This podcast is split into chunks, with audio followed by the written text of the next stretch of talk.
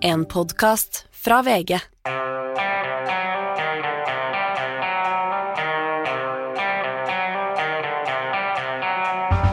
Ikke visste jeg at alle disse dagene som kom og gikk, det var ikke mer enn uke sju, gitt. Men før vi går videre, akkurat nå fikk vi beskjed øh, om at russiske fengselsmyndigheter øh, melder om at den russiske opposisjonspolitikeren Aleksej Navalnyj er død i, øh, i fengselet. Og dette er ganske sjokkerende nyheter, selv om det ikke er så overraskende, Ole Kristian Strøm? Det er ekstremt sjokkerende. Uh, han uh, har jo, altså Hans tilhengere har jo lenge sagt at de frykta for livet hans, og, og, nå skjer det altså faktisk at han dør.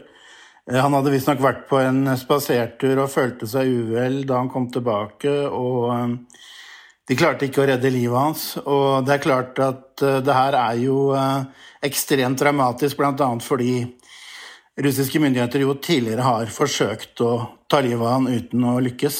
Bl.a. da med den forgiftninga da i august 2020, som han da ble flydd til Berlin og redda av legene der. Ja, så at det har vært en utbredt frykt for at, at han skulle bli drept. Samtidig så har man tenkt at kanskje at han er så høyprofilert at det vil selv ikke Putin tørre å gjøre, men det, det sier vel kanskje da litt om øh, hvilken posisjon Putin er i akkurat nå? Jeg, altså, han har jo blitt behandla veldig dårlig i fengsel. Han har bl.a. blitt satt i straffecelle gjentatte ganger, senest her om dagen. Eh, og han har klager jo blant annet, har klaga veldig mye over ryggen sin, at han har veldig vondt i ryggen. Og eh, det her kan jo òg være ettervirkninger av eh, forsøket på å forgifte han tidligere. Det kan ikke jeg nok om, den medisinske delen her. Men altså Det er jo en katastrofe for Putin òg, vil jeg si, at den viktigste opposisjonslederen dør i fengsel. Det er jo ikke bra i det hele tatt for hans renommé, for å si det pent. Og hvordan kommer tilhengerne hans, som jo er mange millioner i, i Russland, til å reagere? Det blir jo interessant å se. Altså, han har jo vært lite synlig i det russiske um, offentligheten. Han har jo Men han har, allikevel så vet jo de fleste russere hvem han er. Og det er klart det vil bli reaksjoner på det her, selv om det sikkert kommer til å avfeies med at det var noe naturlig. Og eh, sannsynligvis så skyldes jo dødsfallet at måten han er blitt behandla på, at han ikke har fått nødvendig legehjelp og den type ting. Og så er, føyer han seg da inn i rekken av folk, eh, både tidligere allierte og, og fiender og motstandere av Putin, som altså eh, dør under, hva skal forsiktig sagt, uklare forhold. Ja da, det har vært uh, en del. Og det, det har jo blitt uh, Han har jo selv bevist at FSB prøvde å forgifte han. Han ringte jo sjøl til personen som uh, sto bak det her og konfronterte han. Så det er jo ingen tvil om at de blir forsøkt å kvitte seg med opposisjonen. Og mange av de har jo valgt å forlate Russland av hensyn til sitt eget liv. Eh, noen er fengsla, og eh, så er jo da noen som er døde, bl.a. Eh, Boris Nemtsov, som ble drept på ei bru rett ved Kreml i 2015. Så det er ikke mange igjen av opposisjonspolitikerne nå, nei. Nei, og så vet man jo også at selv om de rømmer Russland, så betyr ikke det at de er i, i sikkerhet for uh, uh, russiske hva skal vi si, leiemordere, snikmordere. Absolutt ikke. Absolutt ikke. Kan, kan, det være noe som helst håp om at dette fører til et uh, uh, politisk press mot Putin på innsiden av uh, Russland, eller, eller, har han såpass stålkontroll at, at, det er først og fremst det internasjonale presset som vil øke? Jeg tror først og fremst det vil handle om det internasjonale presset. Jeg kan ikke se for meg at det blir noe sterkt press eh, innad i Russland etter det her. Ok, Tusen takk skal du ha, Ole Kristian. Det er bare minutter siden vi fikk, eh, vi fikk vite dette her, og du er etterspurt av andre på huset også. Hanne, jeg vet jeg har mast om den før, men, og du har sikkert svart på det mange ganger, men har du sett Groundhog Day, En ny dag truer, med Bill Murray? Nei, men jeg vet at du har sett den veldig mange ganger. Ja, for det er hele poenget med den filmen at du skal se den mange ganger. For det handler altså om eh, en, en uh, meteorolog fra en liten amerikansk fjernsynsstasjon. Han blir hengende fast i ett døgn. Det er 2. februar. Det gjentar seg igjen og igjen og igjen og igjen. Har du sett den, Frøy? Nei. Nei. Ikke du, ikke du heller, Selma? Eh, Groundhog Day? Jo. Ja, Groundhog Day. Selma har sett den. Brukbart. Eh, en ny dag tror jeg heter på norsk. Han henger igjen i den samme dagen, og det er 2. februar, det er kaldt og guffent, og det blir liksom ikke bedre. og eh, I en av de gangene, en av disse mange dagene, så ser han bare rett til kameraet og sier han There is no way that this winter is ever going to end. Og sånn føler jeg det med denne vinteren her, eh, Hanne. Den Ja, kommer det er helt- aldri til å slutte. Nei, det er helt fryktelig. I dag måtte jeg altså ja, Nå er det snøslapp, så det er kaldt, samtidig som det er vått. I dag har jeg på meg sånne slagstøvlesko, som da jeg vet at da blir jeg ikke våt på beina, men samtidig blir jeg veldig kald, for det er jo frost òg. Så at dette er skikkelig møkkavær og en ordentlig møkkavinter. Kan det være til ære for vår nye politiske redaktør Frøy Gulbrandsen, som da eh, har kommet fra Bergen, og for at du skal få en mykere overgang til Oslo-livet? Tror du det, Frøy? Ja, kanskje. Jeg syns jo det er bedre nå, når det er litt varmere, faktisk. Fordi de første dagene var det jo så ekstremt kaldt. Så, men det der slapset, det er jo, det er jo en Det er godt vant med. Ja. Og det er jo egentlig vi, og det er jo sånn, men det er bare i denne vinteren føler jeg at det liksom Det har stabla seg en sånn spesiell rekkefølge som gjør det ekstra uutholdelig. Ja, det er helt sjukt. Fra masse kuldegrader til regn, til frost, holke overalt. Du må ha sånne pigger på skoene hele tida. er Pigger på gummistøvlene må du ha nå. Ja, ikke sant? Det er jo helt uh, natta. For jeg har jo hørt litt om den sytinga fra Oslo ikke sant, nå i vinter. Og syting fra Oslo gjør jo sjelden inntrykk, men jeg må bare si at denne isen altså det, er, det er veldig irriterende. Ja. Og farlig. Nå har jeg litt sympati med at det faktisk har vært litt ille. Ja, Men tror du det er fordi du er, liksom, har vært her mer, eller er det genuint også fra hjertet at du skjønner hvor ille vi har det ja, for jeg har jo vært innom Oslo innimellom før òg, da. Og kommer er fra nabobyen Drammen. Ja. Det er ikke første gang jeg som er på besøk her, men eh, nei, den der eh, holka er faktisk ganske ille. Men det kan hende også at du er i ferd med å radikaliseres på samme måte som Jens Kiel, som gikk fra Klassekampen til Bergens Tidende i sin tid. Det gikk det en uke, så han plutselig innsett hvordan Oslo var, eh, skrev han en kommentar om liksom, hvordan Oslo ikke skjønte distriktene og, og sånne ting. Kanskje du er blitt sånn eh, re-radikalisert, eller deprogrammert fra sånn vestlandsradikalisering tilbake til medieeliteboble-radikalisering? Ja, men uh, jeg stikker jo veldig straks tilbake til Bergen, da. I løpet av et par timer, tipper jeg. Så uh, jeg tenker at jeg får litt sånn påfyll av Vestland uh, veldig ofte. Og det Ja. tenker jeg er greit. Det blir en glidende overgang. Ja, Ja. veldig. Jeg vil til Bergen, vil til Bergen med det samme. Ja, faktisk. Vått og kaldt breiflabb overalt. Og, og Frøy har altså vært med flere episoder i denne uka, men dette er da den første gangen i den åpne episoden som hele folket hører på at, eh, eh, at du er med. Eh, og så er det altså sånn at du har overtatt kontoret til Hanne. Og eh, fra neste uke er det da, så skal du overta lørdagskommentaren også. Og da har du, jeg skal ikke spørre om du har tenkt på hva du skal skrive til da, men jeg kan spørre deg, Hanne, hva blir den siste kommentaren din som eh, politisk redaktør i VG? Nei, det må jo bli om Arbeiderpartiet. Ja. Ja, og hele Trond Giske-gate og hele et parti i dyp krise hvor det egentlig ikke er noe maktkamp og ikke noe krav om ny politikk annet enn fra Trøndelag. Og det tror jeg kanskje gjør at det er vanskelig for andre å være opposisjon nå, for de er redd for å bli assosiert med Trond Giske. Ja, jeg går på en måte inn i krisa i Arbeiderpartiet. Og hvis vi skal dra litt historisk perspektiv, vi skal snakke om makta senere her, men eh, du startet jo som politisk journalist omtrent i etteraksen av alt det vi har sett i makta, stemmer vel? Du, Ja, jeg- du var i AUF under makta? Ja, det var jeg faktisk. Fra 82 til 90. Da ble jeg sommervikar først i Arbeiderbladet, og var der i ni måneder. Så jeg dekket jo faktisk da Gro kom tilbake igjen i 1990, høsten 1990 fra Jan P. Syse. Ja. Sin kortvarige regjering. Og det har vært oppturer og nedturer, men jevnt over har det altså, hvis du ser eh, hvor de var da du kom inn, og hvor de er nå, så har det vært en eneste lang nedtur. Ja, da var det jo krise når de nærma seg ned mot 30. Og da husker jeg da fikk vi beskjed om på politisk avdeling i VG nå må vi reise til Nord-Norge og finne noen som kan si 'Gro må gå', 'Gro må gå'. Da var det liksom ned mot 30-tallet, det var krise. Nå hadde det vært en drøm for Ja. Arbeiderpartiet. Og så var det hele 36,9 som eh, Torbjørn Jagland ble mye latterliggjort for, at han, eh, at han gikk på det, og nå er det altså Nå ligger Arbeiderpartiet denne uka på rundt halvparten av det. øh, Ja, det var Moi nå på 17,8. Jeg husker etter Summer så sa jo Gro Harlem Brundtland etter et intervju at jeg hadde ikke trodd han skulle være så dum. Nei. Um, Om Jagland. om Jagland, ja. Med den 36,9 hvor han ga fra seg makten på et sølvfat med et valgresultat som i dag hadde vært helt himmel. Men frykt ikke Arbeiderpartiet. I morgen så kommer da skal uh, Hanne Skartvedt som sin avskjedsgave til, uh, til Arbeiderpartiet fortelle hva de har gjort feil før, og hvordan de kan gjøre det bra igjen i morgen. Kanskje mest det første. Når du snakker med folk i Arbeiderpartiet, det er ingen som har noe godt svar på hva de kan gjøre for å få det bedre. Jo, det er én oppe i Trondheim. Ja, det er en oppe i Trondheim. Det er sånn. Og hva tror du om hans uh, løsning? Han har en ganske god diagnose, men han har jo ikke det riktige svaret, Nei. tror jeg. Altså han har, han sier om at sant, det er 1,6 millioner eh, som ikke stemte. 600 000 stemte på Arbeiderpartiet. 7 av uh, unge menn under 25 år stemmer Arbeiderpartiet, ikke flere. Altså han, han jo sånn, han trekker jo fram de tingene som er virkelig krisa deres.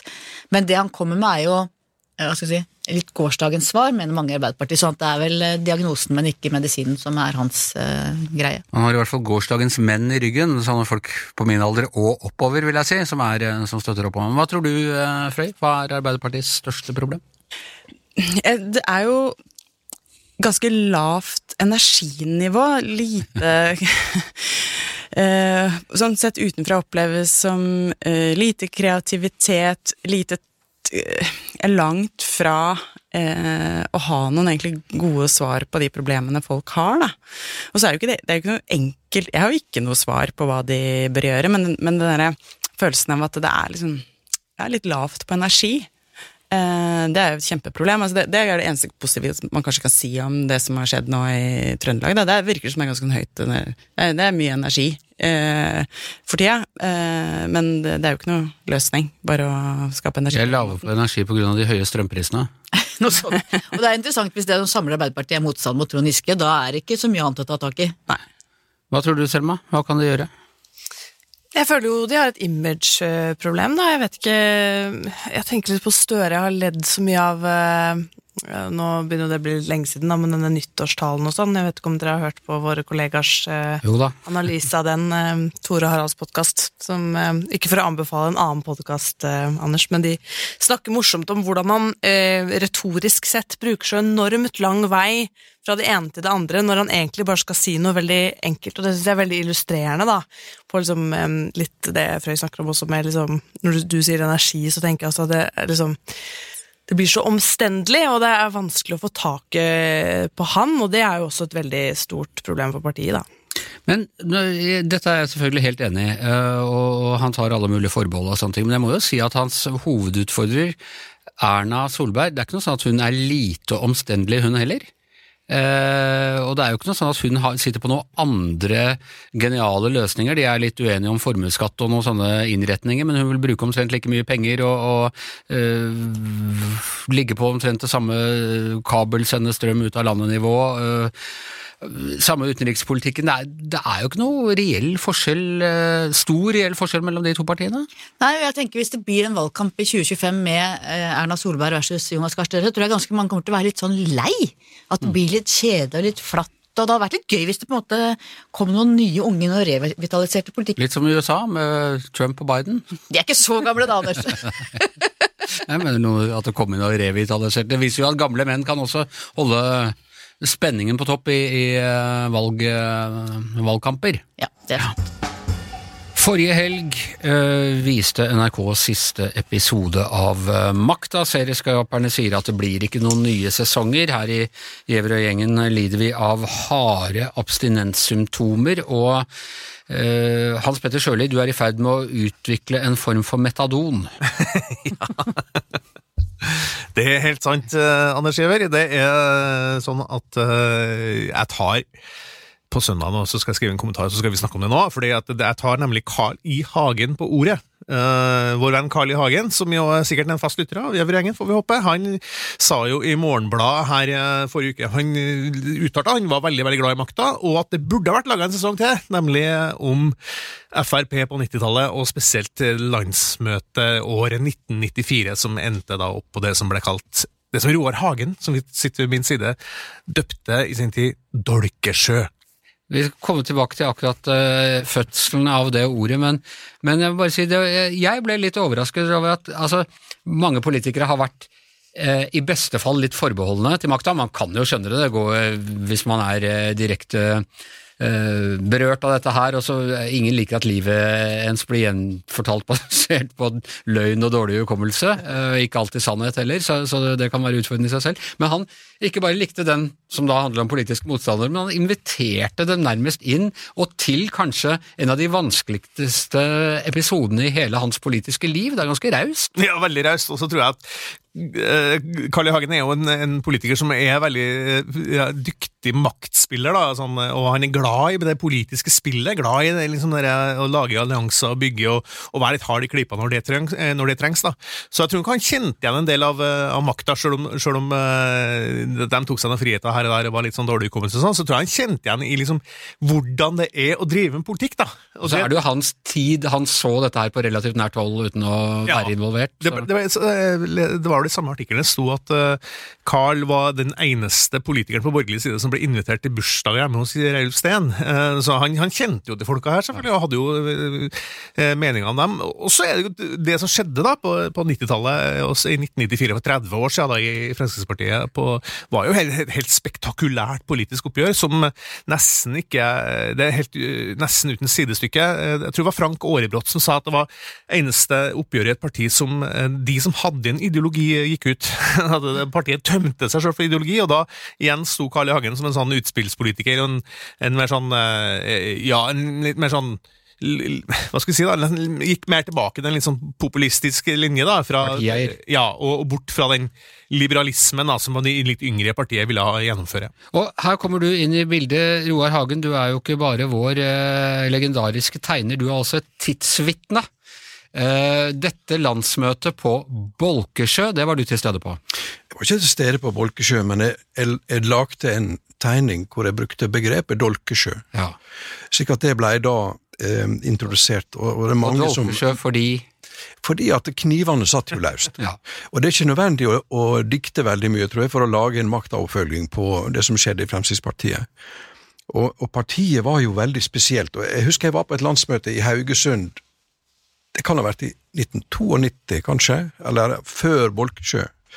Da satt jeg ved siden av en representant for den um, britiske ambassaden i Oslo, som var borte der for å liksom finne ut hva er det som skjer, ikke sant. Og så så vi, da, Den gangen var vi jo med i middagene også. ikke sant? Det var jo hele Viken, da var jo liksom uh, landsmøtet. og så satt vi der, og så kom disse Frp-folka inn, og hadde, alle hadde, nesten alle hadde kortsmoking. Altså korte smokingjakke og, og lilla eller rosa magebelte. Og så spør den britiske ambassadesekretæren are these people real conservatives? Så sa jeg nei, nei, nei, nei, nei, dette har ingenting med det å gjøre. Jeg tror det var et, et høyreparti. Forsøkte å forklare henne at dette er en helt annen Det er ikke Tory, liksom? Nei, og, og det som har skjedd med Fremskrittspartiet altså fram til, fram til 94, er jo en vandring fra liberalisme til innvandringsskepsis, EU-skepsis, eh, og som Øystein Hedstrøm sa til Firerbanden da de gikk, ta med dere te te teoribøkene og forlat møtet. Fordi det var det som skjedde den gangen. Det var opprinnelig da Fremskrittspartiets Ungdom, ledet av Tor Mikkel Wara og Pål Atle Skjervengen, som var liberalister. Uh, først og fremst de var i teorien for innvandring òg, bare det ikke kosta noe? Ja ja, du skulle bare ha en liten stat og ingen velferdsstat uh, sånn som vi kjenner det, og det skulle være fritt og du kunne kjøre fri fart og fri, fri sprit og fri ikke sant? Høyreanarkisme? Nettopp. Så Skjervengen endte jo i Høyre, tror jeg. Alle de andre, Grøntun og, og, og Vara, disse har jo blitt veldig dyktige kommunikasjonsmedarbeidere. ikke sant? Men ordet dolkesjø det gikk jo altså, som du sa, på at knivene var ute, og det var jo dolkene, og dette med å bli dolket i ryggen er vel fra drapet på Julius Cæsar. Eh, at man, man, har eh, begrepet. Men så er det litt uenighet eh, om det, hvem det var som kom opp med det? Det, jo, det er jo flere som gjør krav på dette, men, men jeg har jo inntil det motsatte bevis, så, så vil jeg påstå at det var min, var min idé, altså. Men det kan jo være at andre har kommet med i forkjøpet rent teknisk. Og du er jo en av de få gjenlevende av disse tidsvitnene nå, så det er ikke Ja, du vet, den gangen Altså, Høyre var jo et annet parti. Og Carl var, vi, vi på landsbygda vi trodde han var fra et slags eh, borgerskap, vet du. men han var jo fra en sånn eh, leid, horisontaldelt leilighet oppe i Røa. I midt mellom alle rikingene så bodde han i sånn folkelig eh, enklave der oppe. Og, så vi skjønte ikke helt hva dette var, ikke sant? Eh, og Han førte et propert riksmål og var ja, Ja, ja, alle de ytre og det som, eh, som eh, advokat eh, Eckhoff, tror han hette, han ble jo spurt om hvordan var det å starte Anders Langes parti, så sa han det var som å gå ut i, i sensommernatta med ei fjøslykt, og det kom all slags skapninger flaksen gjennom lufta, ikke sant, da var jo en av stifterne her, så det var jo veldig stor tiltrekning på mange, og så klarte Carl å tvinge dette fram til å å modellere det til et parti som ligner litt på Arbeiderpartiet. Og det gjorde han ved ikke bare én utrenskning, Hans Petter. Altså, han, han hadde jo alle de som med et slemt ord ble kalt bygdetullingene i ryggen da han kasta ut liberalistene, og så hadde han noen andre i ryggen da han kasta ut bygdetullingene noen år senere. Ja, for da gikk jo Vidar Kleppe og Jan Simonsen, og de ble jo ofra, og også Fridtjof Frank Gundersen, eh, som jo var en legende i miljøene der, ble også Og langt fra noen bygdetulling. Nei, han, var- han var jo en gammel høyremann og, og vestkant, så det holdt, da. Eh, nei, så det har gått litt i bølger, ja, men, men det har jo vært hans, eh, hans eh, skal vi si, taktikk da, å, å, liksom styrke, holde på posisjonen sin ved, ved da, å hele tida spille de forskjellige fløyene ut mot hverandre, og så ta veldig drastiske grep da, når, det, når det, han følte at det trengtes. da. Men, men tilbake til litt til det landsmøtet, fordi at det var jo hun Ellen Wibe, som var fra mine trakter, fra Nord-Trøndelag, som, som var nestformann, da, som det het, og, og leda jo den liberalistiske opprøret mot Carl I. Hagen. Hun, hun trakk seg, da, og, og bare, så, i, det, jeg husker det som ble sagt av Fridtjof Frank Gundersen, som var en litt eldre kar fra vestkanten. Han, han sa da, når, når Vibe trakk seg, og, og, og sånn, så sa at nå har vi hatt nok kvinnemas i politikken. Ok, det var det var det vi kunne si sånne ting. Men han før var han ble så politisk jo- korrekt og woke.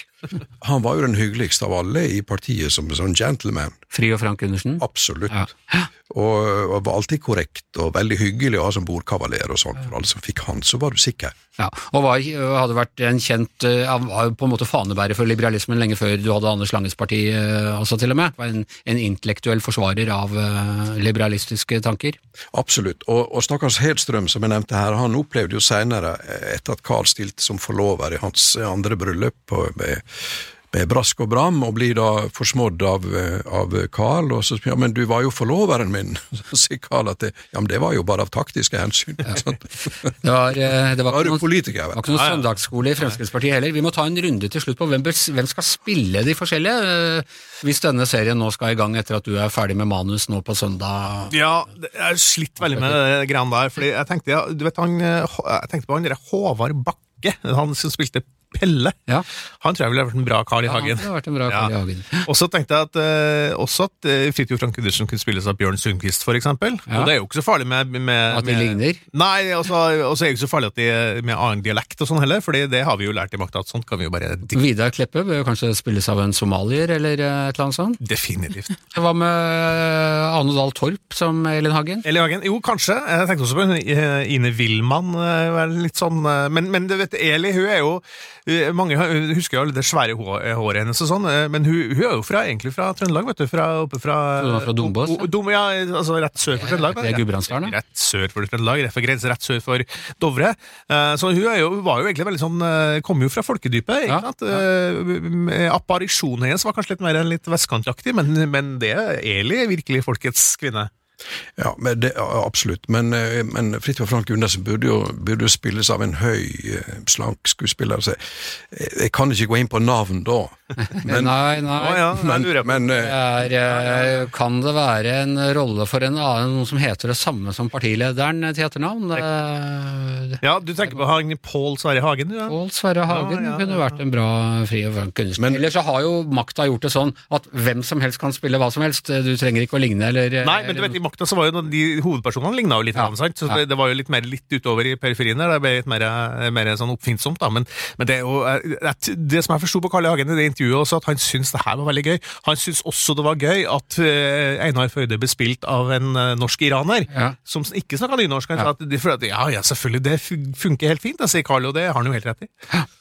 Ok, ja, vi, vi gleder oss, Hans Petter. Skynd deg å skrive ferdig manus, sånn at de får godt i gang eh, oppe i NRK. Så håper vi at de Og gleder meg veldig til å se tegninga til Roar, for her tror jeg han har jobba litt med. ja, ja. Jeg får jobba med dette vakt sterke minner. Jeg var på mange Fremskrittspartilandsmøter. ja. Nei, det er så det var, det, var, øh, det var underlig, men i dag er det jo et veldig polert parti, da, må jeg si det. ja, i, til tider, og så bryter det løs igjen. Så jeg, jeg tror ikke moroa nødvendigvis er over. Jeg håper i hvert fall ikke det.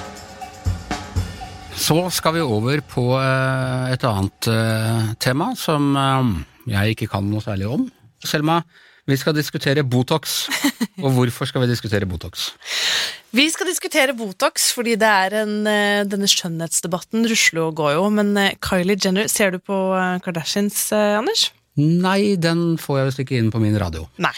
Eh, Kylie Jenner, som er en av disse Kardashian-søstrene, hun eh, har fått en del kritikk fordi folk mener at hun ser gammel ut av de inngrepene hun har gjort eh, i fjeset. Eh, og så har det igjen skapt en slags eh, debatt på nettet om hvorvidt man bare er sjalu på de som eh, man klager på, og så har det blitt et sammensurium av liksom Skal vi på en måte er det, er det ikke dobbeltmoralsk, da er spørsmålet, å si til noen at eh, de ser gamle ut med Botox, eh, når de, man i utgangspunktet har sagt du trenger ikke å ta Botox fordi det er ikke noe farlig å se gammel ut?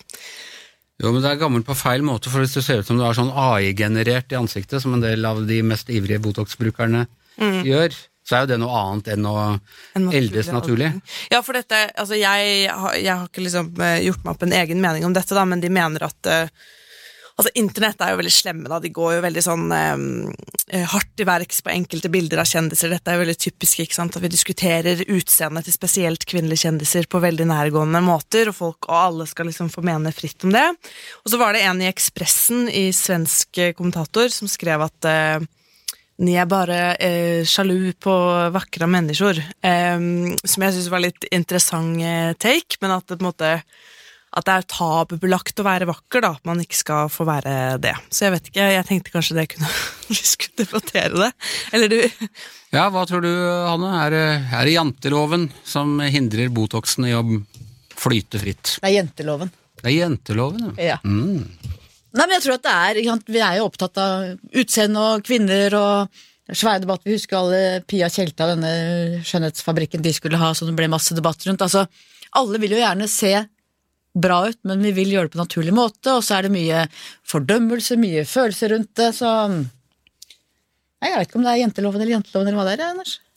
Hva tror du, Frey? Dette har skapt et stort engasjement på, på morgenmøtet vårt i dag. Ja, det, det er et eller annet rart med Botox, og, fordi eh, det er åpenbart mange som mener at det er noe At det er veldig, veldig galt å ta Botox, men samtidig dyre hudkremer er greit, farge hår er greit. Eh, det er liksom uklart hvor grensene går for det som er på en måte moralsk greit å gjøre med huden sin. Jeg klarer ikke helt å se hvorfor det ene er greit, mens det andre ikke er det.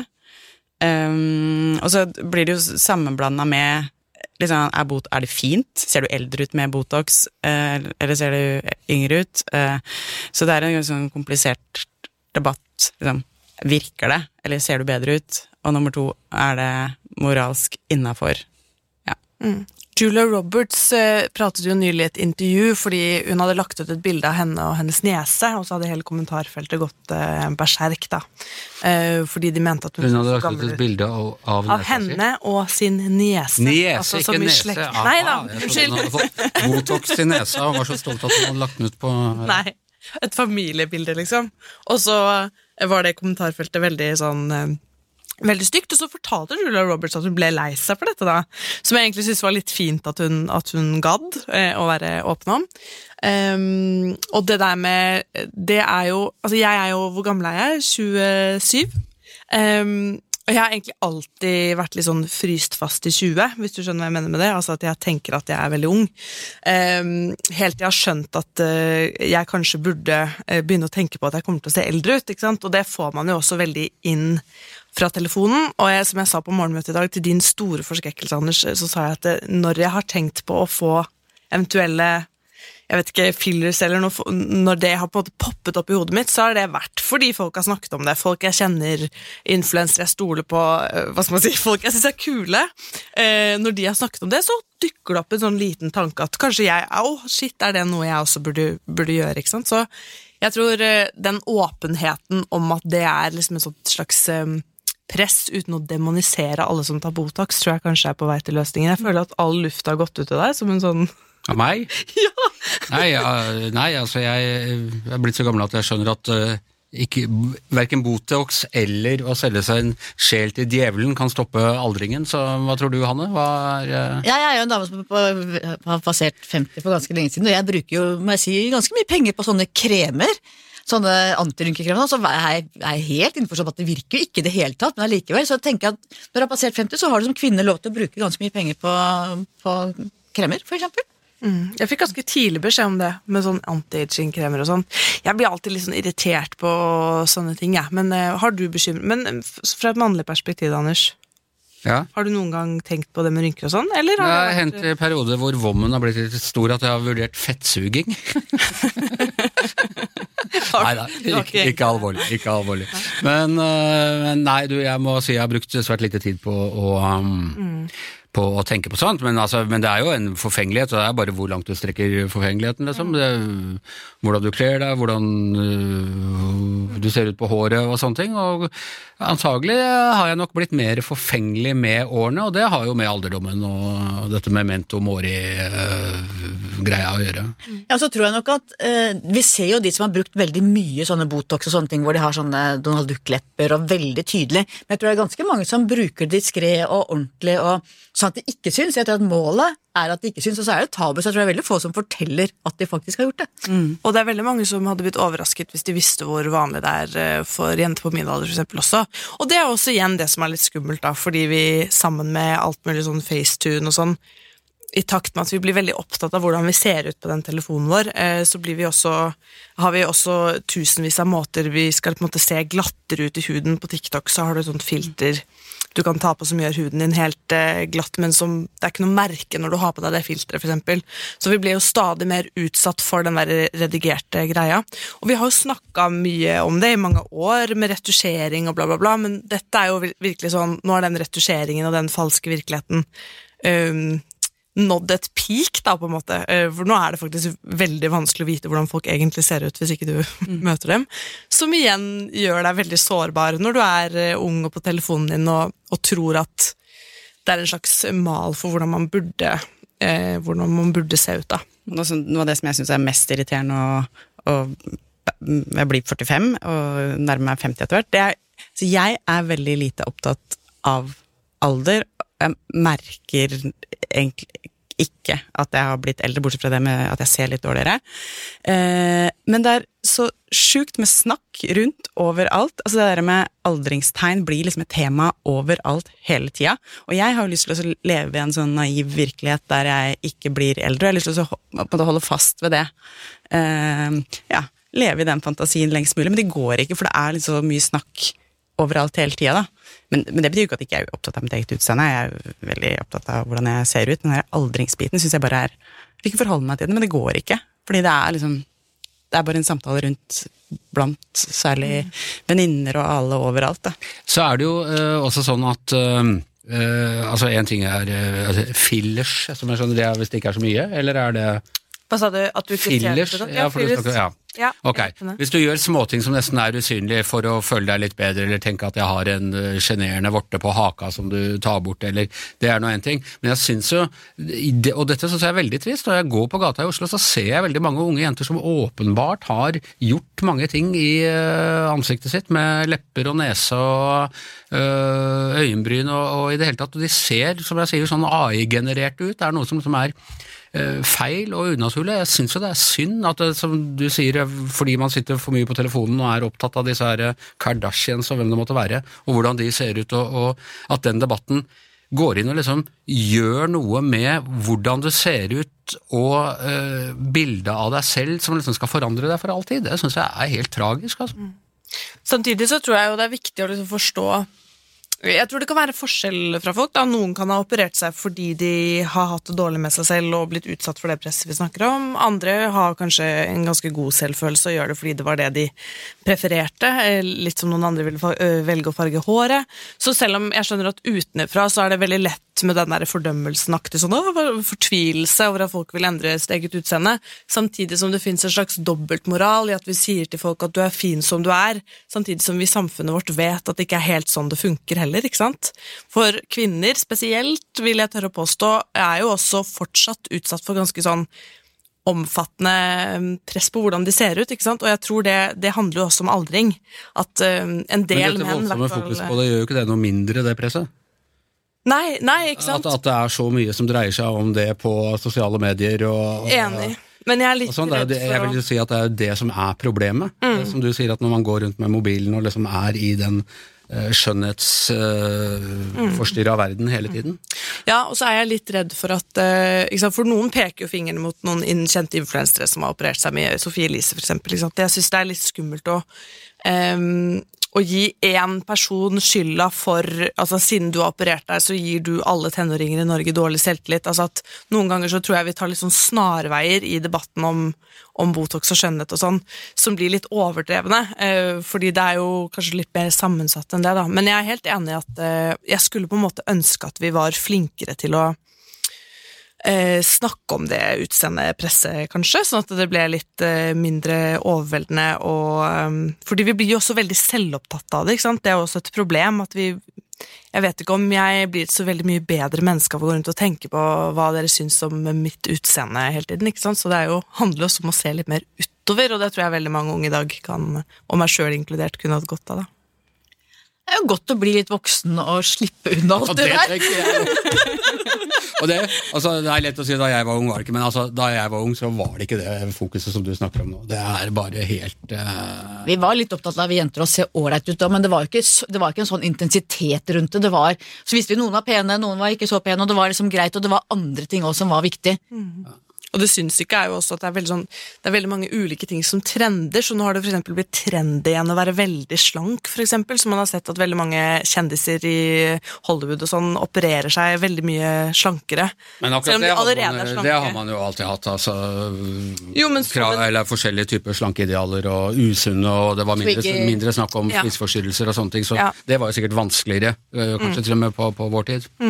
Men, men det at man nå på en måte åpent egentlig snakker om det som en trend, altså at kjendiser går på Sempic, allerede slanke kjendiser, for å bli tynne fordi det er motemessig trendy, altså at Og det sitter man på en måte og ser og konsumerer og snakker om uten å kritisere det, liksom, da. Så det er eh, Ja. Det er fucka, for å si det, hvis det er lov å banne i denne podkasten. Nei, det er ikke lov. Nei, unnskyld. Det er lov med fillers, men det er ikke lov å banne. Nei, jeg vet ikke. Har vi, noe, har vi noen konklusjon her? Har vi noen nærmere løsning her enn vi er på Arbeiderpartiets problemer? Nei. Nei. Absolutt ikke. Ok, eh, da runder vi av Giæver og gjengen for denne uka. I morgen er det mediebobler. Da kommer Anette Trettebergstuen, eh, tidligere kulturminister, nå stortingsrepresentant. Hun snakker om alt som skjedde rundt henne, særlig da i forhold til eh, mediene, da hun måtte gå av som minister. og perioden etterpå. Så hør på oss da. Uh, over for denne uka. Tusen takk til eh, Roar Hagen, Hans Petter Sjøli, Hanne Skartveit, Frøy Gulbrandsen, Selma Moren, jeg heter Anders Giæver, og mannen som har så mye fillers i ansiktet at jeg nesten ikke kjenner ham igjen bak der, det er vår produsent Magne Antonsen.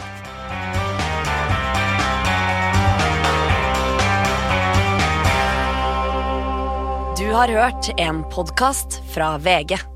Ansvarlig redaktør, Gard Steiro.